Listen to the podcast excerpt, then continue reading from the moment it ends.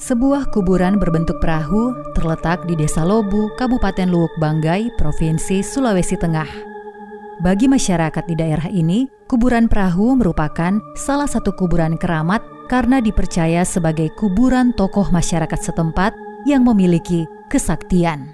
Para peneliti memperkirakan jasad yang ada di dalam kubur perahu ini telah berusia 400 tahun.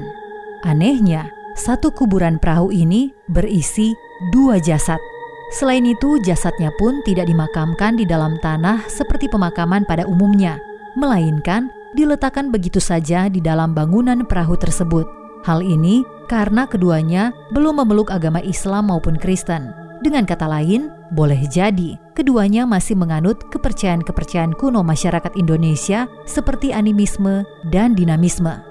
Kalau kamu bukan keturunan atau ahli warisnya, maka kamu tidak diizinkan untuk membuka bahkan sekedar mengintip apa yang ada di dalam kuburan perahu ini.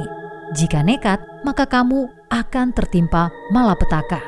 Orang-orang yang nekat melanggar larangan tersebut mengalami beberapa kejadian buruk seperti wajah bahkan matanya disengat tawon. Ada pula yang kerasukan. Jadi, hanya keturunannya lah yang bisa melakukan hal tersebut. Sama seperti kuburan-kuburan keramat lainnya, kuburan ini begitu menarik perhatian para pengunjung maupun peziarah dari daerah lain. Entah hanya sekedar melihat langsung keunikan kuburan ini atau memohonkan berkah.